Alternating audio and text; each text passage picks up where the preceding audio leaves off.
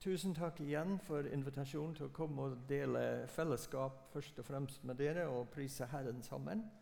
Og så dele litt av våre erfaringer med Jesus. Eh, I dag er det en stor gledens dag for meg eh, med den delen av Guds ord som vi skal snakke om, lese og snakke om.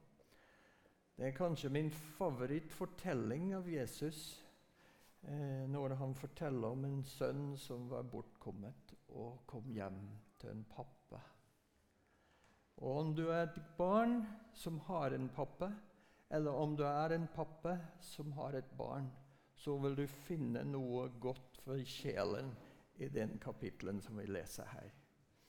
Siste uke brukte vi første delen av lignelsen som Jesus fortalte her, eh, om den sauen som blir bort, og så den mynt som blir bort, og nå det er en sønn som er bort. Og jeg ser i overskriften her sauen som ble funnet igjen. Det er mye mer positivt, ikke sant?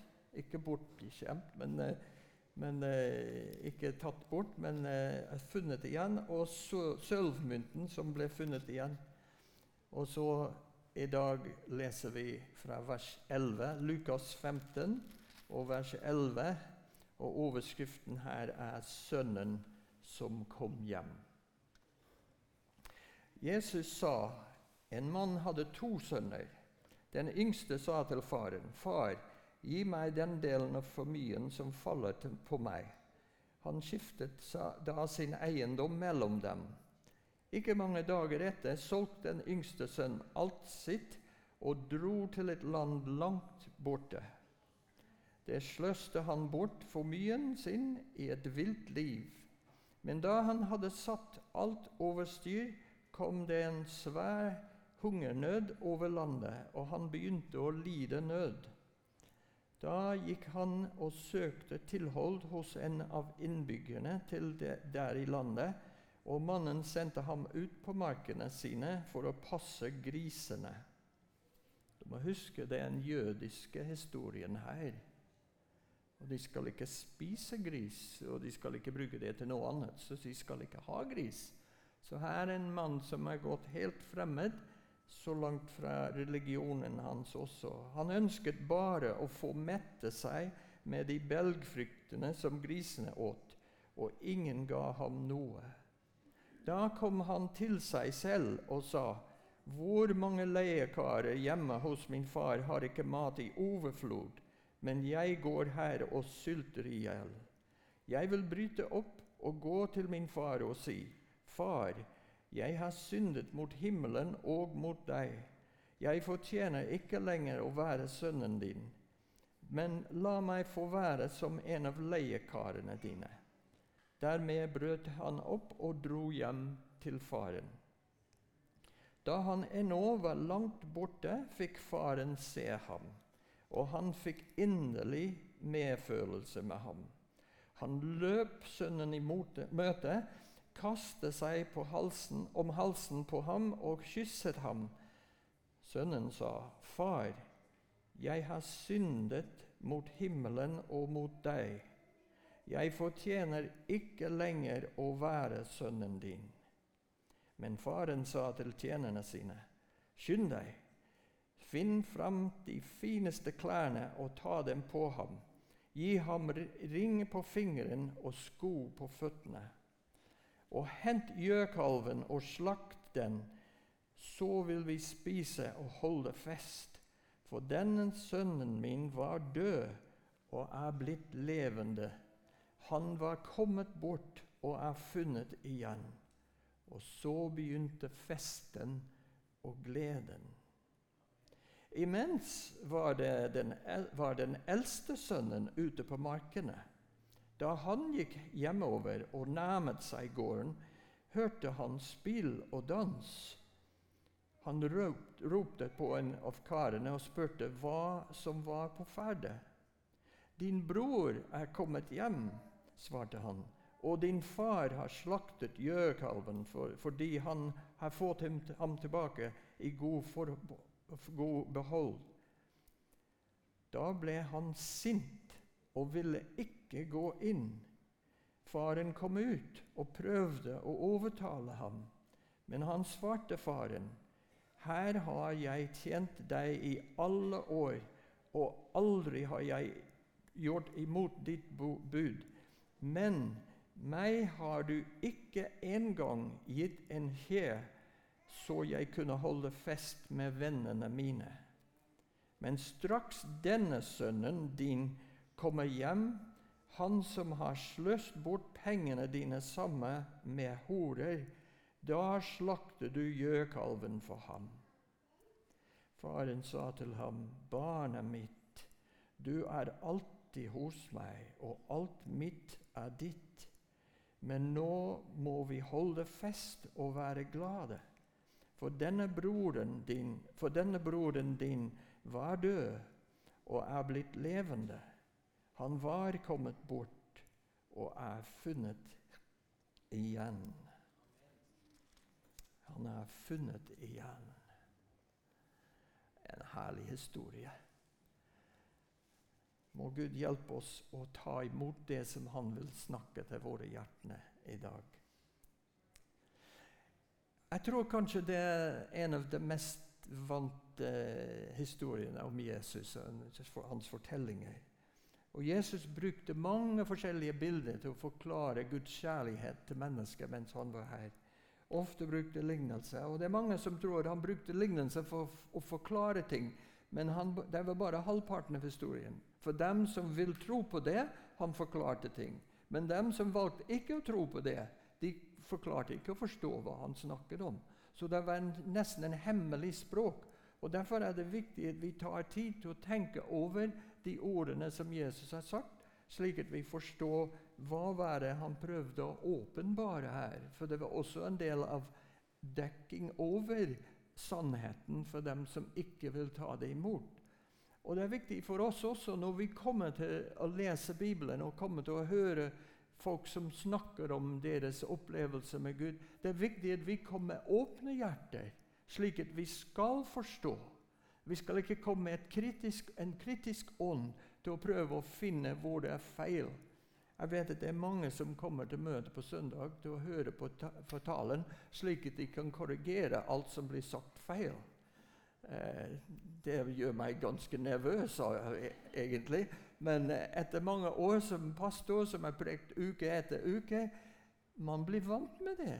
Og man vet at det er noen som sitter og, og, kritiserer, og dere har rett til å gjøre det. Alt som vi sier på talerstolen, skal eh, veies av dem som hører det. Og vi skal ligne det med Guds ord og finne ut om det er sant. Men det er også den måten vi kan komme med kritisk, en kritisk ånd. Og vi kom Ja, kanskje og Jeg kan tenke meg noen av fariseerne som sitter her og begynner å tenke han snakker om oss her av og til.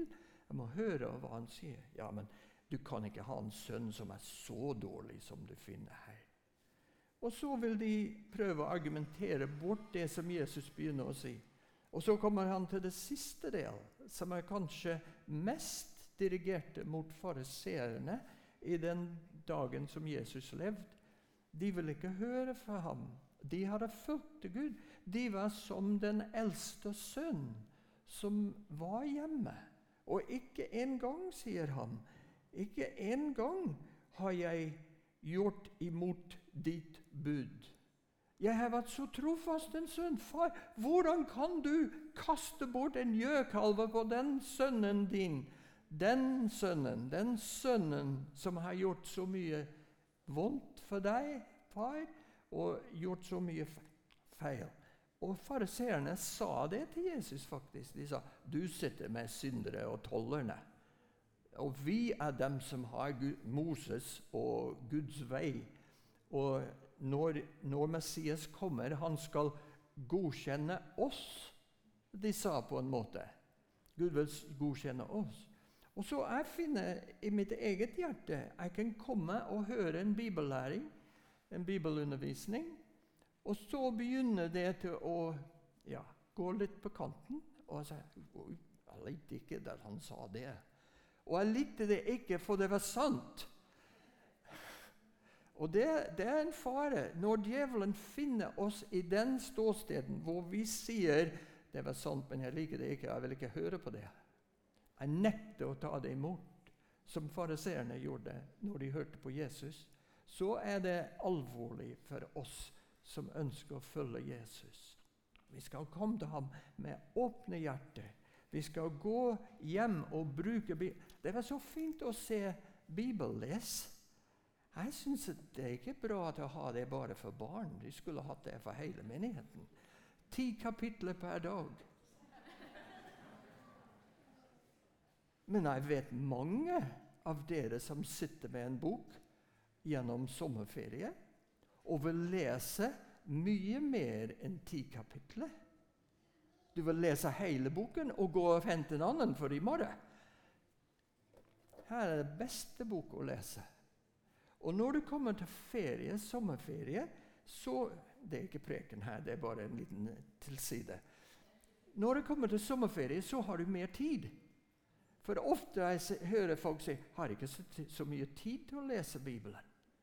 Ok, her er en fantastisk mulighet. Du sitter på stranden, ta med Bibelen. Eller enda bedre, ta det telefonen som har det der hele tida. Og du kan ligne det med andre ting.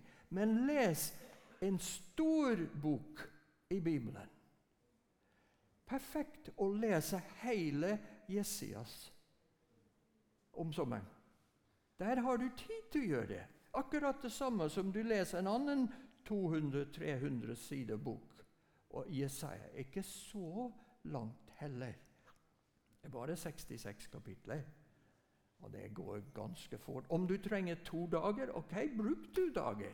Men bruk den tida som du har, med den beste bok som vi har. Ikke sant? Det var bare en liten oppmuntring. Så kommer jeg tilbake. Og Jeg håper dere vil gå tilbake og lese gjennom den eh, Lukas 15 at vi har snakket om her. Kanskje en av de mest kjente fortellinger Jesus har gitt den bortkomne sønn. Og Vi alle forstår bortkomne sønn. Det er meg, og jeg har gått bort. Jeg har kastet bort alt som Gud har gitt meg. Jeg har blitt en synder. Jeg har kommet til meg sjøl, endelig. Det var en, en, en eh, predikant i Amerika som sa først han kom bort fra faren, og så kom han til et fremmed land. Og der begynte han å bruke penger. Så kom han til å ha behov for en jobb. Så kom han til griseierne og begynte å jobbe for ham. Og så kom han til endelig til å være så sulten at han prøvde å finne andre, og ingen vil gi ham noen ting. Og endelig etter det kom han til seg selv. Ja. Og så så han på hvor mye han hadde gjort med farens eh, arv som han hadde fått. Og tenkte Dem som er bak der, de har mer mat enn de trenger. De har mer plass til å slappe av. De har så gode Og de har forhold med pappen min der også. Jeg vil tilbake og tilby meg, tilby meg som en, en, tjener for pappa. Forferdelig at du tenker at du må gå og jobbe for faren til å bli godkjent. Men det var problemet som andre sønnen hadde. Han hadde jobbet trofast i alle de årene. Når yngre sønn, var hjemme også. Jeg kan tenke meg, Yngre sønner de har det mye lettere enn andre. Jeg har, jeg har, noen barn i familien min. Sistemann, som var en gutt, sistemann hadde så lett. Han fikk lov til å gjøre så mye mer enn de andre, som vi var veldig strenge med, for vi prøvde å lære hva det betydde å være en, en forelder på den tida. Så, så, her har du den, den eldre bror som Det første han hører, fører han til sinne i seg. Han ropte til en annen, 'Hva er det som skjer her?' 'Din bror har kommet hjem.' Og jeg kan tenke meg, Han var også veldig begeistret. 'Nå skal vi ha fest. Vi skal ha det beste kjøtt som gården produserer.'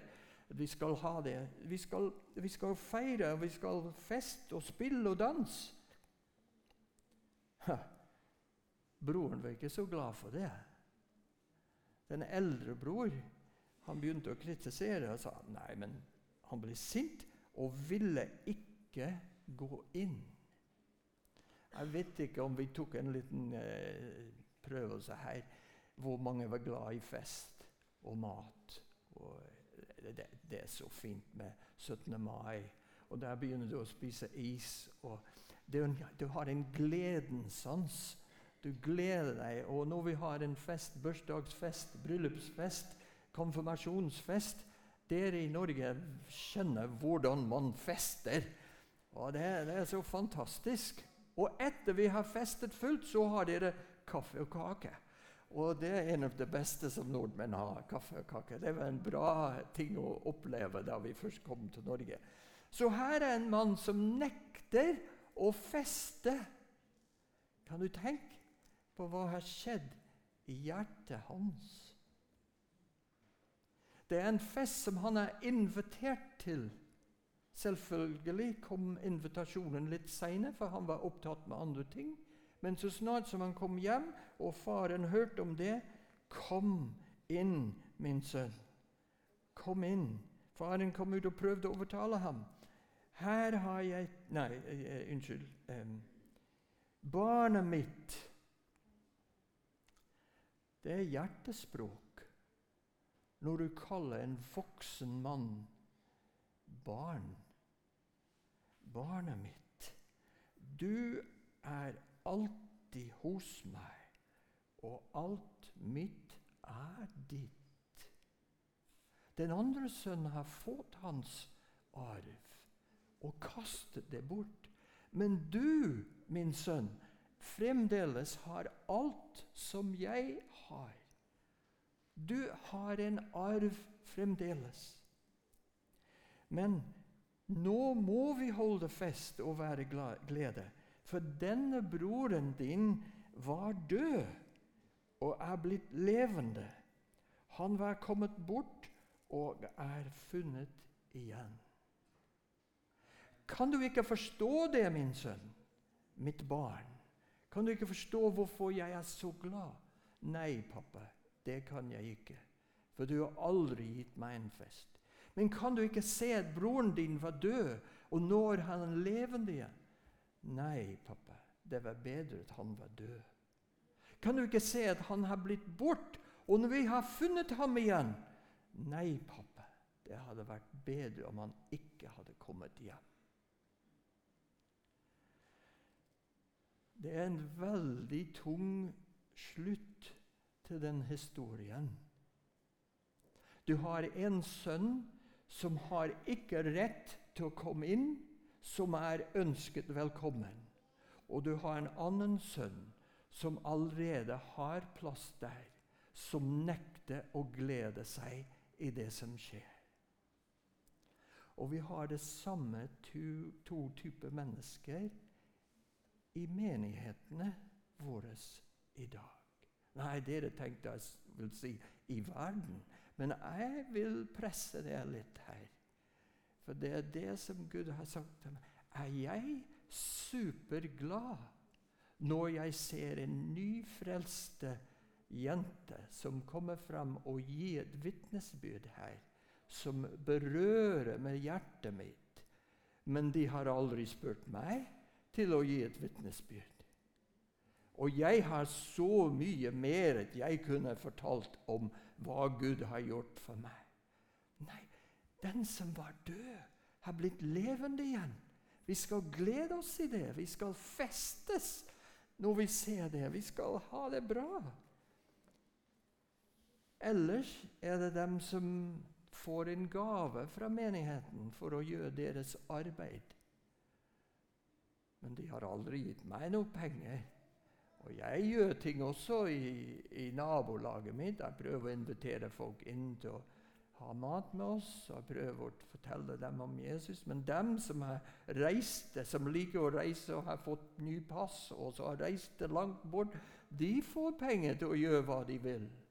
De får penger til å dra til en bibelskole når de er bare nyfrelst. Ja, for at når de er nyfrelst, de trenger den bibelskolen til å lære dem opp i de gode ting som du allerede har over mange år. Det er så lett for hjertet mitt til å bli brukt av djevelen på en feil måte. Og jeg snakker veldig mye. Jeg peker et finger mot dere, ja, men det er tre andre som peker tilbake til meg.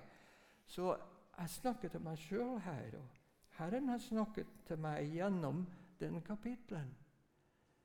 Hvor ekte er vår tro med Jesus? Er det bare faktisk aktiv når alt går bra for meg? når jeg har det fint, når jeg er sentralt i det som Gud gjør. Og jeg syns det er fantastisk å være hvor Gud sentralt bruker oss til å gjøre ting. Vi alle har hatt den opplevelse.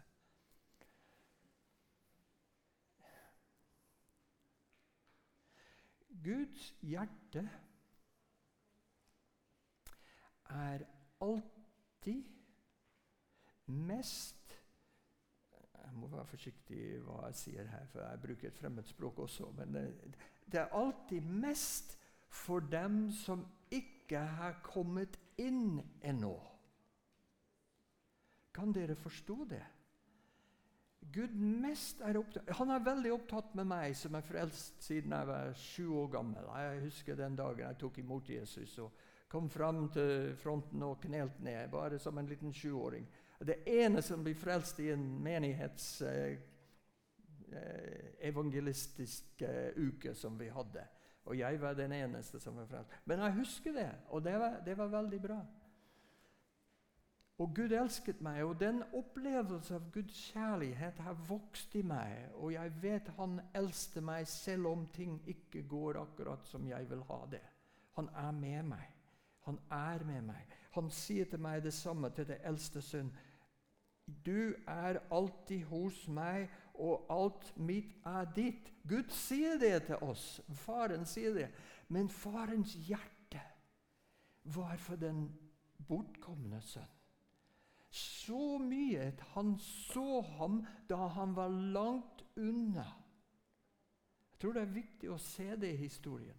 Jeg tror han har gått ut hver dag og sett ned på veien. Kommer han i dag? Og så går hele dagen, og hjertet blir tom, for sønnen har ikke kommet hjem. Og vi vet ikke etter historien hvor lenge det tok. Men det kan ha tatt årevis, det kan ha tatt tiårevis. Men han kom endelig. Men hjertet, Guds hjerte, er så mye for de som er fattige, og de som har tapt er gått tapt. Han er ute etter for dem. Han ønsker ikke at noen vil komme til å miste den muligheten til å være en del av hans familie. Ellers hadde, han ikke sendt Jesus. For mens vi var uten Mens vi var i våre synder, så sendte han sin sønn til å dø for oss. Og derfor hans hjerte lengter etter den som ikke har kommet inn ennå. Derfor går han ut til dem. Han gikk ut til, til sønnen. Faren kom ut og prøvde å overtale ham. Gud er hele tida ute etter dem som ikke har trodd ennå.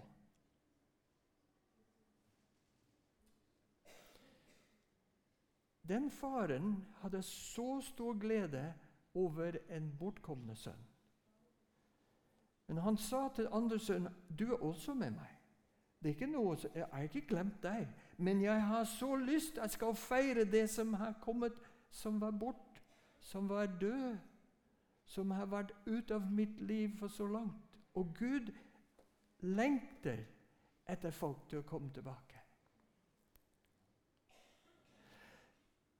Vi kaller oss for eh, treenighetsfolk, ikke sant? Vi tror på Faderen, Sønnen og Den hellige ånd. Jeg forstår det ikke. Tre, ett. Er det tre, eller er det ett? Det er tre som åpenbarer seg Det er tre som åpenbarer seg som en enhet. Og det er en enhet som åpenbarer seg som tre forskjellige. Det, det, er ikke mulig for våre tanker til å inkludere det. Vi må bare akseptere det som vi har sett. Gud regjerer i himmelen som Far, Sønn og Den hellige ånd. Men Gud Faren har aldri kommet bort fra himmelen, som jeg forstår. Jeg ser for meg at Jesus ble sendt og var unnfanget av jomfru Maria, som vi ser i, i denne, denne, det som vi leser. Vi, vi ser at Jesus kom fra himmelen, fra Faren, lagt til side det som han hadde rett til å ha i evighet. Jeg liker å si hans gudhet. Kan jeg bruke det, det litt uh, hjemmelagt ord? Gods, Jesus sin gudhet. Ikke godhet, men gudhet. Det er faktum at han er Gud. Han måtte hver dag bestemme seg ikke å bruke den makten han hadde. For Hadde han brukt den makten han hadde som Gud, så ville det vært umulig for oss å ha ham som et eksempel for oss. Jesus levde alt som han gjorde, med det som han så Faren gjøre. Han fikk Den hellige ånd. Det var etter han ble døpt i Den hellige ånd. Den hellige ånd kom ned på ham når Johannes dåperen hadde ham i vannet. Og der, for den, den dagen videre så hadde han et kristent arbeid som han gjorde med Den hellige ånds kraft. Så Den hellige ånd også kom ut fra himmelen her på jordet og komme og bo i meg. Så først kommer Sønnen, så kommer Ånden. Men Faren, så lenge jeg kan se i Bibelen, han sitter i himmelen og venter for de andre til å komme tilbake. Og de skal komme tilbake med så mange av Guds tapte barn som de klarer til å overtale. For meg det er fantastisk at Gud vil vil til og med på korset Så fantastisk å se det. Jeg liker den måten med de spikrene. der. Det er dekorativt, men det forteller oss noe. Han kunne ha kommet ned. Han kunne fått milliarder engler til å komme og løse ham fra det som han gjorde. Og faren hans gråt og måtte snu ansiktet fra Jesus mens han ble synd for oss mennesker. Jesus, som også er Gud, men Gud i skjødet, tok imot all synd. Og når du har en far som er villig å gå så langt, så sier jeg at Guds spesielle interesse hans fokus er på dem som ikke har kommet hjem ennå. Han vil betale hva som helst det koster, til og med sin egen sønn på korset. Og der har vi kommet til i dag. Den bortkomne sønn lærer meg at jeg har blitt frelst av Jesus. Det er Jesus som har kommet og hentet meg, funnet meg som en bortkomne sau men det er også en far i himmelen som er glad til å ta tilbake en sønn. Og så nå sender han meg ut til å finne andre sønner for ham. For han vil ha alle. Han vil bruke du og meg. Og han vil de kommer, slik at det kan være glede i himmelen. Mer glede, vi hørte sist uke, mer glede i himmelen blant englene over én synde som omvender seg, enn over 99 rettferdige kirkemedlemmer i Norge er kommet til å gjøre noe. Gud, Guds hjerte er for de som er borte. Og om vår pappa har et slikt hjerte, så skal vi ha det samme. Hvor mange har vi fortalt den fantastiske nyhet om at Jesus setter oss fri? Gir oss liv, gir oss håp, gir oss betydning i livet. Gir oss en mulighet til å tjene Gud. gir oss en mulighet til å komme til himmelen. Som gir oss en løsning for så mange forskjellige ting. Og til og med når jeg ikke forstår noe, jeg kan si men jeg vet at pappa har det under kontroll. Pappa. Kan vi bare bruke et par minutter til å la Gud tale til vårt hjerte? Bare hør hva han vil si. Og så kan du slutte møtet etter det.